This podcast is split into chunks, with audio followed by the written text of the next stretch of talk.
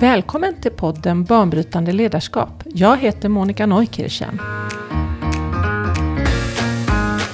Vi är just nu inne i en tid av omprövning i världen. Nu behövs ett ledarskap som både vågar och kan bryta invanda tankemodeller, verksamhetsmodeller och affärsmodeller. Det behövs ledare som vågar och kan bryta ny mark och tänka nya tankar. Denna poddserie produceras av Hillesgårdsakademin och alla våra kurser och den här podden syftar till att stötta ledare i sitt banbrytande ledarskap. Detta avsnitt handlar om att leva tills man dör. Om att värna det levande i sitt inre och vägra dö i förtid. Levande organisationer byggs och befolkas av människor som är verkligt levande så vad krävs för att du ska behålla livet i själen ända tills den dag kroppen dör? Vi pratar om cynismens förgiftande effekt och om att följa det bultande inom dig själv. Om meningsfullhet och fokus på att göra någonting bra för andra som ingredienser till ett levande liv. Jag har idag med mig Karl-Erik Edris som är filosof och Jan Eriksson som är verksamhetschef på Friskis och Svettis i Täby. Jan har lång erfarenhet som ledare inom näringslivet. Han startade sitt yrkesliv som postbiträde på Alfort och Kronholm i slutet på 70-talet. Och denna start på karriären ledde honom sedan vidare till att axla en rad olika ledarroller Bland annat inom internationella stora bolag. Bland annat har han varit försäljningsdirektör för en division inom 3M och han har haft två olika VD-uppdrag tills han för några år sedan valde att växla över från näringslivet till den idéburna föreningen Friskis och Svettis där han idag leder verksamheten i Täby. Men vi börjar detta avsnitt med Karl-Erik och en låttext som får bli ett avstamp för dagens tema. Jag tänker inte kola vippen, jag tänker inte lämna in. Jag tänker inte ta ner skylten, jag tänker leva lite till. Jag tänker inte sakta farten. Ingenting är kört förrän det är kört, så jag stampar hellre mer på gasen. Jag tänker leva tills jag dör. Jag tänker inte retirera, jag tänker inte stryka flagg, jag tänker inte resignera. Mitt sista kort är inte lagt. Jag tänker inte stå i skuggan, jag tänker inte hamna utanför, jag tänker inte smita undan, jag tänker leva tills jag dör. Säga vad jag tycker, tycka vad jag vill, bejaka mina nycker, inte sitta still, försvara det jag tror på, vänner och familj, förfölja mina fiender så länge det finns till. Mitt liv är fyllt av fröjd och gamman. Jag tycker döden verkar trist. Om vi nu alla ska den vägen vandra så kan jag gärna vandra sist. Och tills den dagen jag ger upp andan ska jag förbli vid friskt humör. Några kanske hoppas på något annat, men jag tänker leva tills jag dör. Jag tänker leva tills jag dör. Karl-Erik Edris, ja, du citerar ju ofta eh, religiösa skrifter eller gamla visa tänkare. Men det här, det var texten till en låt som är insjungen av Lasse Stefans, och som, eh, men som är skriven av eh, Mikael Wiehe. Och i eh, programmet Banbrytande ledarskap så har vi ju ett eh, moment där, eh, där du eh, vid den sist, eh, senaste programomgången läste just det här stycket. Och, och Janne, eh, du var ju en av deltagarna i programmet då. Du reagerade starkt på just detta, så det är därför vi har bjudit in dig här idag. Eh, men först Karl-Erik, skulle du kunna utveckla lite? Vad, vad, ville du, vad ville du säga med den här låttexten? jag vet ju inte vad vi tycker, men alltså jag tog ju in den i det där sammanhanget med levande och död och egentligen så började jag väl, eller så är min grundtanke där den där scenen i Bibeln som man kanske, eller ja, i Nya Testamentet där det kommer en polare och vill följa Jesus och så säger då, då säger han det att han ursäktar sig och säger att han vill först begrava sin far och sen komma och följa Jesus. Och då svarar ju Jesus Följ du mig och låt de döda begrava sina döda. Och om man får höra det så tänker man ju, är det någon zombiefest han åsyftar? Men det är det ju knappast, utan det är ju något inre tillstånd som han menar där. Alltså att en del kan leva men vara döda inombords.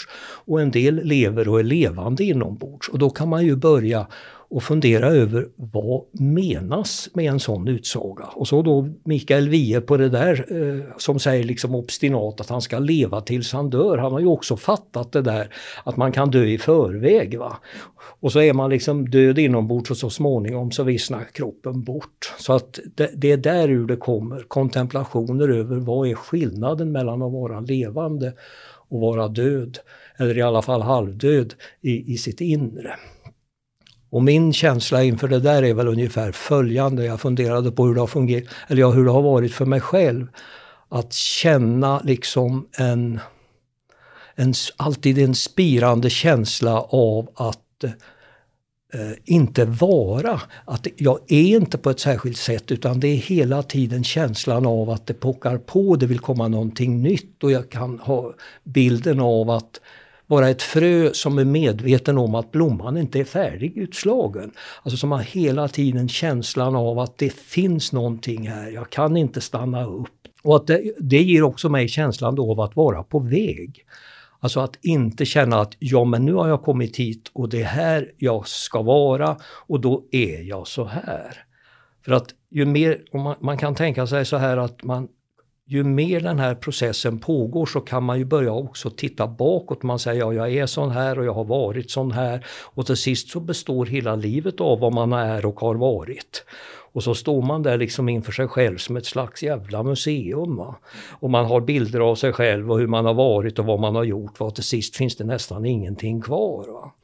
Och det där kan börja väldigt tidigt för det är så mycket starka kollektiva former om hur man ska leva, hur man bör tänka och så vidare. Så man har man då en obstinat inre känsla av identitet som gör att man tänker att ja, men jag, är, jag måste vara lojal mot det djupaste i mig själv och så slåss för det. Då kan man vara levande tills man blir, eller ja, så länge man eh, lever, helt enkelt. Jag tycker det är intressant när du nämner det här med växtriket. Och varför jag säger det, det var, jag har ju gått på den här utbildningen om banbrytande ledarskap och fram till dess, alltså innan jag gick på den här utbildningen då, så har ju de flesta utbildningar, de har ju liksom eh, klingat av genom år, va? men de har egentligen inte gett mig så mycket. Men ändå gått på en hel del. Va? Jag tycker de flesta har ju byggt på teoretiska modeller, managementutbildningar där man mer eller mindre skäl från varandra. Va? Men när jag kom ut i Hillersgården då, det är alltså första gången man ifrågasatt mig som människa. Alltså som ett levande väsen. Och just när du pratar om det här med naturen då, då så, så jag har ju tänker ju lite annorlunda. Jag har ju till och med svårt att ta död på myra nu för tiden. Men det kan låta lite krystat, men just det leva och, och, och leva till jag dör har fått en liten annan innebörd. Och jag tror delvis att fått ett nytt tankesätt. Jag tror på idén att det är människor hela tiden som kan utveckla dig.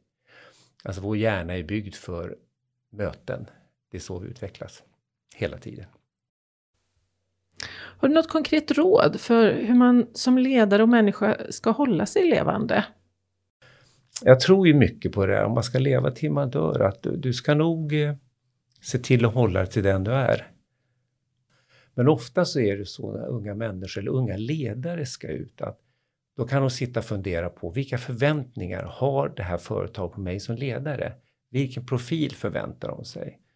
Och så kanske man är dum nog, vilket jag var en gång i tiden också, att klä i med den här rollen, den här yrkesrollen.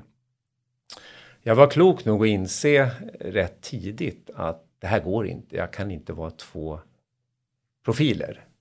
Det kommer inte funka för då kommer jag må väldigt, väldigt dåligt. Vilka gjorde vi ett tillfälle? Ja, alltså jag tänker på att det är en viktig dimension i det där att hålla sig levande. Det är att inte vara för inriktad på sig själv. Det gäller ju att, ha an, att man gör saker för andra. Då är det mycket lättare att hålla sig själv levande. För att det här med liksom upptagenheten och fixeringen på sig själv och att man ska vara något och bli ansedd för någonting.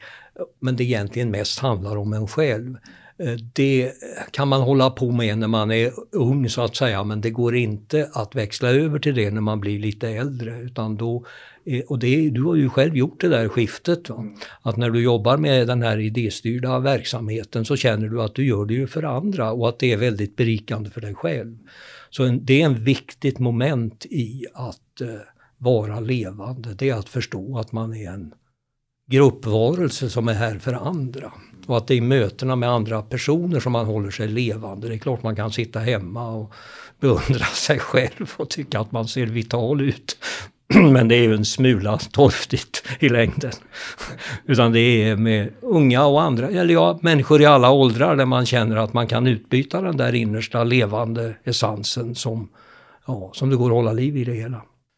Det finns ju en kategori människor som oavsett om det gäller arbete, och det gäller humanitära åtaganden eller föreningslivet, det är de som vaknar. Vad kan jag göra idag på min arbetsplats eller min förening för att vi ska bli lite bättre på någonting?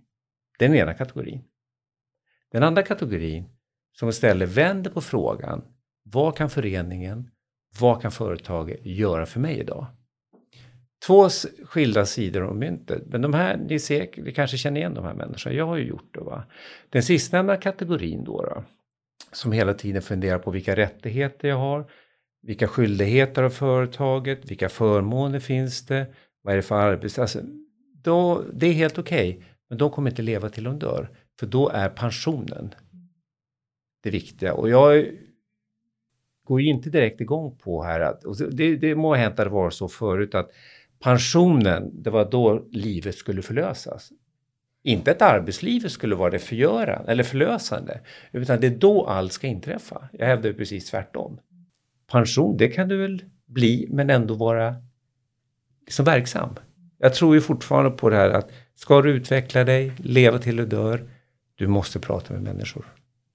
Ja, alltså det är ju enormt viktigt att inte ha en roll som inte är förankrad i ens egen känsla för vad man vill göra av sitt liv. Jag tycker det är nästan enklare att tänka i form av musik, alltså att man känner att man är en ton som passar någorlunda väl bland de andra tonerna som tillsammans utgör det där företaget. Så man blir del i ett ackord och man försöker att utveckla detta så att man känner att det kommer inifrån en själv.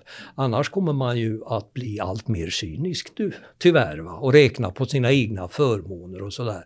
Men det är en väldigt stor skillnad att känna det bultande inom en själv som vill göra, alltså att man vill försöka komma till sin rätt helt enkelt inifrån sig själv men förstå att det har med samspel med andra människor och bidrag till andra.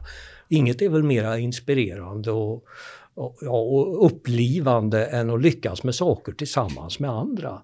Och där man liksom känner det där enorma flowet som man kan få i grupper som fungerar bra och sådär och känna att detta är, detta är livet. Och då är det roligt. Och, och, man kan göra bra saker tillsammans. Och istället för att tänka att, som du säger här, att jaha, här får jag den och den lönen och jag brukar ibland prata om det monatliga skadeståndet. Alltså alla vet ju vad de behöver göra för att inte riskera att förlora sitt monatliga skadestånd. Alltså man är där, har ett födkrogstänkande och, och, och tänker i de termerna. Och det kan ju verka smart på kort sikt men på lång sikt så torkar man i det inre eller vad man ska säga. Det blir sterilt i det inre av en sån attityd. Om man inte trivs där man är så ska man byta jobb så att man hittar ett sätt att, att man hittar en plats där man kan få vara levande och bidra som man är. Måste man det? Måste. Man får naturligtvis göra vad fan man vill. Nej men jag tänker att om man är i... För jag är ju inne i väldigt många olika organisationer och jag kan ju se levande människor i ganska döda mekaniska organisationer. Eh, finns, det, finns det något hopp för de organisationerna om det kommer in tillräckligt mycket levande människor? Alltså, min fråga är egentligen, kan man verka där man är för att få liv i en organisation? Det tror jag. Men alltså då måste man ju ha hoppet. Man får ju, det får ju inte bli så att man känner att eh, det, det får inte vara för hög desperationsgrad i ens hopp över att det ska gå. För då kommer det till sist, eh, de ska man säga, konserverande krafterna att vinna över en. och så har man kanske inte märkt att det har ätit sig in på insidan och att man i själva verket har blivit cynisk och tror inte det funkar för en själv heller och så kommer man till den där punkten, ja jag hänger mig väl kvar här och så har jag då mitt månatliga skadestånd. Och så känner jag mig dyster. Va? Så det gäller ju att se upp med det där så att man inte idealiserar sitt hopp. Men annars tror jag fullt av levande människor eh, får ju liv i eh, en organisation för det, då, kommer man ju, då har det ju någonting med syftet att göra och på vilket sätt man gör det. Att det är någonting, eh, för de allra flesta verksamheter som är levande, de, de är ju fokuserade på att göra någonting bra för andra. Att vara levande då i en död organisation och eh, visst, visst beroende lite på vad du har för roll så kan du försöka förändra saker. Men å andra sidan så ska du lyssna på ditt inre. Va? Det kan ju vara så att det finns en annan plats, en annan händelse, en annan verksamhet där du faktiskt den du är kan hjälpa dig företag på något annat. Med det sagt så är det klart att du, du kan förändra saker, det beror på lite vad du jobbar med då. då. Jag brukar alltid säga det, eller brukar tänka ofta på att vi har affärsidéer och man pratar alltid om kunden. Det är det viktigaste. Och man pratar alltid om att vi ska unleashed människors inre krafter och kunna skapa saker. Jag har inte sett det så mycket. Alltså levande bevis på ett företagande eller ett ledarskap där man faktiskt förstår att det här är levande människor som oftast vill väl. De vill skapa saker, de vill känna att de behövs och att de är till nytta. Men jag, jag ser inte det sådär jätte, jätteofta. Det är mycket tomma ord. Och jag, jag, jag har också tänkt ganska mycket på det där med när du säger tomma ord. Hur fyller man ord med liv? Jag har ju varit på många sådana där, eller ja många, men i alla fall för många sådana där när man pratar om visioner. Och de kan ju vara otroligt eh, eh, vackra. Och man kan ha en hel kampanj då när man ska tala om, om nya profiler och grafiska profiler och allt och nya varumärken och, och visioner. Men alltså det vdn eller någon annan som har lett det, det behöver kanske bara öppna käften för att hela publiken som sitter där i den där aulan eller den där samlingssalen förstår att det här kommer inte att innebära någon förändring, allting kommer att vara som vanligt. Och det, så hur, ja, det är en stor fråga, men det går tillbaka på, tror jag, ledningens motiv och hur levande de själva är som personer. Alltså hur blir man trovärdig? Det där med vision, det är rätt intressant att du tog upp det. Man kan läsa i de flesta, slå upp vision på Wikipedia, kommer det stå där, det, affärsidé står där. Jag undrar liksom vilken managementkonsult som bestämde att alla företag måste ha en vision. Ja. Precis som du säger, för det är ingen som, som eh, anammar riktigt. Det, det är rätt intressant, för den lever fortfarande kvar. Ja, men det är bra med en bra vision om ja. den så att säga är om den är trovärdig. Och, för den kan ju vara, ha vägledande kraft i olika mm. sammanhang men är den inte levande då är det ju bara ja, då är det ju att man håller upp en, eh, en skylt. Mm. Och man tänker det är väl någon som tror på det i alla fall. Mm. Så det kan ju vara mycket cynism kring det där förstås. Ja, det här med um, en vision, att, att ha eller formulera en vision, det, det blir ju som sagt lätt en språkövning. Men eh, om vi ska prata lite, ja men hur ska man göra då liksom? En vägledning som har liv, vad skulle det kunna vara? Hur skulle det kunna manifesteras? Vad gör våra varor eller våra tjänster med de som köper dem. Alltså någon slags inlevelse i detta. Vad är det vi bidrar med? För att får man en slags, alltså det finns ju ett gammalt svenskt ord som heter behjärtansvärt. Alltså om man gör någonting som man känner verkligen är bra att man bidrar med någonting som folk har glädje av. Jag tänker på sådana inlevelseövningar, även om man bara säljer möbler så kan man leva sig in i hur trevligt folk har när de sitter i den där soffan som man säljer. Alltså att man är med hela vägen till den levande människan som ska utnyttja det där. Så att man har med sig det, att man känner att man hjälper folk eller att man erbjuder detta så att det inte bara blir en siffra eller en kort interaktion utan man känner hela vägen vad man bidrar med. Och bryr sig om människorna bakom. Och där tror jag att det är lätt att stanna i siffror och sen att man mår någorlunda väl på hemmaplan. Men man får absolut inte vara cynisk när, enligt min mening när det gäller det man håller på med. Och jag jag skulle kunna dra en ganska fräck historia om det där som jag aldrig har glömt. När jag fick, eh, kom till Stockholm 72 så började jag jobba med meditation. Och en av de tjänster som vi erbjöd utöver att lära folk att meditera så var ju att folk som hade hållit på men sen hade kommit eh, liksom kände att de inte riktigt visste hur de skulle göra i alla fall och de behövde stöd så hade vi en procedur som kallades checkning. Och vi hade det på det viset att folk kunde klampa in om de hade lust och så bli checkade. Och eh, då var det ju inte alltid så att folk som satt där då och skulle ta emot det här kände att ja men vad härligt, jag tar gärna det. Utan då sen, då, sen hörde till saken då att vi hade, våningen under var det en porrklubb. Mm. Och eh, när folk då kom upp och så sa, eh, kom det någon som skulle checkas och så hesiterade, eller jag tvekade vi då vem som skulle ta honom och då sa vår chef, ni är som hororna där nere, sa han, ta honom du, ta honom du. så sa han, och jag har aldrig glömt det, att då kände jag liksom, ja, det måste ju finnas hjärta i det här. Vi måste ju vilja ta emot dem som vi har lärt. Alltså vi kan inte vara som hororna där nere och säga ta honom du, jag vill gärna slippa. Den andan fick inte finnas. Va? Och då känner jag att den känslan är generaliserbar. Det är en väldigt stor skillnad om man bara man kommer till en vanlig enkel eh, speceributik och man känner att här finns det en värme. För folk tänker egentligen därför att folk ska må gott när de äter maten. Att det finns någonting som gör att man känner sig välkomnad, att det känns bra, va? att man har den känslan, att den går ut. Va? Det tror jag är väldigt viktigt för att man ska känna också att man själv bidrar med någonting. Jag menar när ni nu låter folk komma och träna så kan ni ju gott sitta där och känna att ni bidrar till folks hälsa. Och att det är underbart att känna att man är med i en apparat eller en organisation som faktiskt gör att folk mår bättre. Jo, det är klart, man ska, om man nu tänker sig den optimala arbetsplatsen så ska man ju tycka om det man gör. Och man gör ju inte det man ska inte tycka om det bara för att man får mat för dagen själv på det, utan för det som ens tjänster eller varor, vad det gör med andra människor. Hur det underlättar i deras tillvaro, till vilken glädje det är för dem, hur, alltså hur det är till hjälp för andra. Det är ju ur den känslan som man kan uppskatta det man gör. Jag tänker på de här som ägnar sig åt svindlerier. Alltså något så fruktansvärt och ringa och försöka lura pensionärer att köpa 50 teleabonnemang. Eller försöka komma åt, alltså hur är man funtad?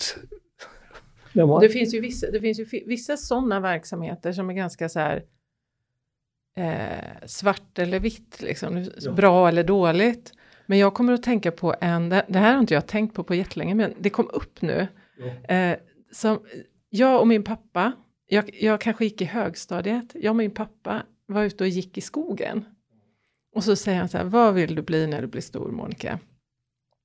Ja, kanske sjuksköterska eller läkare, säger jag, för det är ju typ ett av de fem yrken jag känner till. Liksom. Ja, det är bra yrke säger han. Det är väldigt bra yrke. Då hjälper man människor. Ja, så jag, fast, fast du jobbar ju inte med ett sånt yrke, så jag. För han gav det var som att stämningen var som att han gav mig ett livsråd. Eh, och då, och då, stann, då, då, jag så här, då stannade han så sa han, jo, det gör jag. Eh, för min pappa var, var konditor och sen, eh, sen så gick han ifrån det som var hans upplärda yrke och jobbade med massa olika saker. Och när det här hände, då jobbade han på en motorsågsfabrik. Och det tyckte jag var det mest själsdöda man kunde tänka sig. Det var jättelångt ifrån att vara sjuksköterska eller läkare. Och då så, och då så sa han så här. Ja, alltså när jag jobbade som konditor, då ägnade jag all min kraft åt att få bakverk att se vackra ut. Så att människor skulle äta saker som de egentligen inte mår så bra av. Nu jobbar jag med att göra en liten del till en motorsåg som gör att människor som jobbar i skogen inte behöver slita ut sin rygg. Och det tog jättemånga år för mig, att, för då tänkte jag så här, ja fast då kan man ju säga det om vilket yrke som helst. Men det kan man ju inte. Eller, men, alltså, och, och konditor, alltså alla jobb har ju någonting fint i sig. Att göra vackra bakelser, det är inget dåligt. Men för honom var inte det det han ville bidra med. Nej. Men man kan ju mm. tänka sig som konditor att man tycker om att folk är glada. De ja, har fest ja. och äter gott. Ja, det är visserligen inte nyttigt men glädjen Nej, gör att man kan ta en stor dos socker utan att bli sjuk. Så det är det jag menar med att, att det finns vissa typer av jobb som jag säger, jag skulle aldrig kunna jobba med kasinoverksamhet. Jag, jag kan inte det, för jag tycker det är fel. Och, och driver liksom beteende hos människor som bara är dåligt. Det finns inget bra i det. Men sen finns det ganska många syften som är lite mittemellan. Som man kan, så här, jag kan, där var och en behöver titta i sitt hjärta och se, är det här det jag vill bidra med? Och inte göra en konstruktion av det. För det var det jag tänkte först, ja men det här har ju han gjort en konstruktion av. Men jag tror inte att det var det. Nej. Utan för honom så var det här ett fantastiskt jobb på flera sätt. Dels att han kunde leva det liv han ville. Och dels att han bidrog med någonting där han kände jättestort, mm. eh, stor mening. Ja, han tyckte det. Stolthet. Inget, Stolthet och ja, ja. Mm. Det fanns inget att skämmas för där. Nej. Utan motiven var goda och rena och han hjälpte gärna till med en liten detalj. Ja. Men hade han kommit på det själv eller fick han det förklarat för sig? Det här du gör betyder det här. han hade kommit på det själv. Det är jag helt övertygad om. Mm. mm. Så det, det kan jag inte tänka mig att någon på den tiden har gått Nej, och sagt till honom. Nej. Nej. Eh, det är jag nästan Nej, men alltså, Det väsentliga i det han sa ju att det var bra yrken sa han för då hjälper du andra ja. människor. Ja. Alltså, som ett kriterium att ja. göra saker bra för andra människor. Det håller ens eget hjärta levande. Det är klart att om man sitter där och är cynisk och dealar med penningtjänande på att sprida cynism. Det eh, svärtar ju en själv. Nej, nej, men sen finns det ju en annan dimension av det och det är ju det här med respekten för individen. Alltså att vi måste ju som människor gestalta de liv som vi känner att vi måste gestalta. Och sen måste vi hålla på med det tills vi tröttnar. Alltså, vi, alltså människan, man ska ju inte moralisera och dressera människan utan människan, vi människor ska ju ha ansvar för vår egen utveckling. Och då måste vi kanske hålla på med destruktiva saker tills vi kommer till en punkt som går tillräckligt djupt i oss som gör att vi säger att ja men nu har jag gjort tillräckligt av detta. Nu kan jag verkligen sluta utan att gå tillbaka. Det är ju sånt man ser i missbruk och alla grejer. Livet fungerar ju så. Och det kan man ju undra över varför det fungerar så men då kommer vi in på väldigt stora frågor. Mm. Så, så respekt för människan, äh, människans rätt att vara en riktig jubelidiot och komma på själv att man har tröttnat och ändra sig och inte vara en riktig jubelidiot längre. Det tror jag är viktigt. Och de orden får avsluta det här samtalet. Men eh, vi tre ses ju snart igen i samma konstellation för att prata mer om det här temat. Och då tänker jag att vi utvecklar organisationsperspektivet lite mer och pratar om vad som kännetecknar en levande organisation och också hur man som ledare kan bidra till att bibehålla organisationens eh, själ. Men eh, till dess så tackar jag er båda för dagens samtal. Tack så mycket Jan. Tack Karl-Erik. Tack, tack. tack.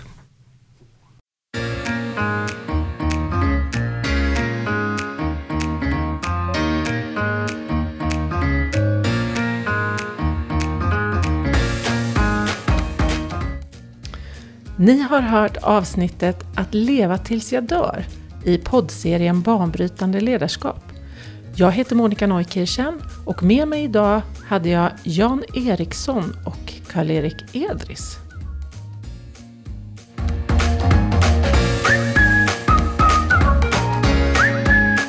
Vill du veta mer om Hillesgårdsakademin och ledarskapsprogrammet Banbrytande ledarskap så hittar du information på www.hillesgardsakademin.se